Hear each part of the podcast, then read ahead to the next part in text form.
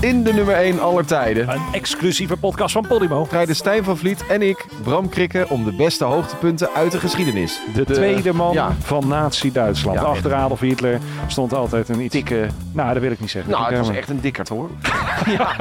De geschiedenis zit vol grote gebeurtenissen en bijzondere figuren. En vergeet natuurlijk ook de kleine spelers niet. Maar hoe weet je wat echt belangrijk is en wie de echt grote bazen zijn? Op zijn zestiende ging hij het leger in. Het 16 het leger in. zou wel nu wel goed zijn trouwens. hè. Nee, ja, Oh, sorry, ja, ik serieus. ga er- wat? Ik denk dat het hartstikke goed zou zijn, een beetje dienstplicht. Ga maar door.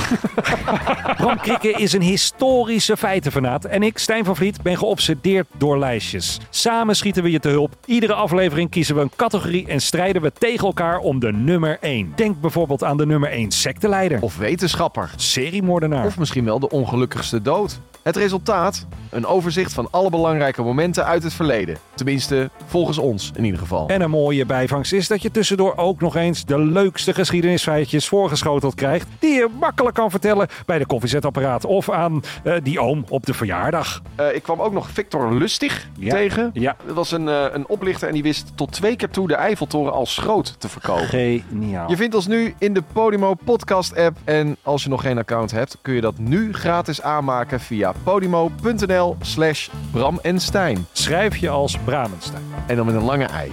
Bram en Stijn. Stijn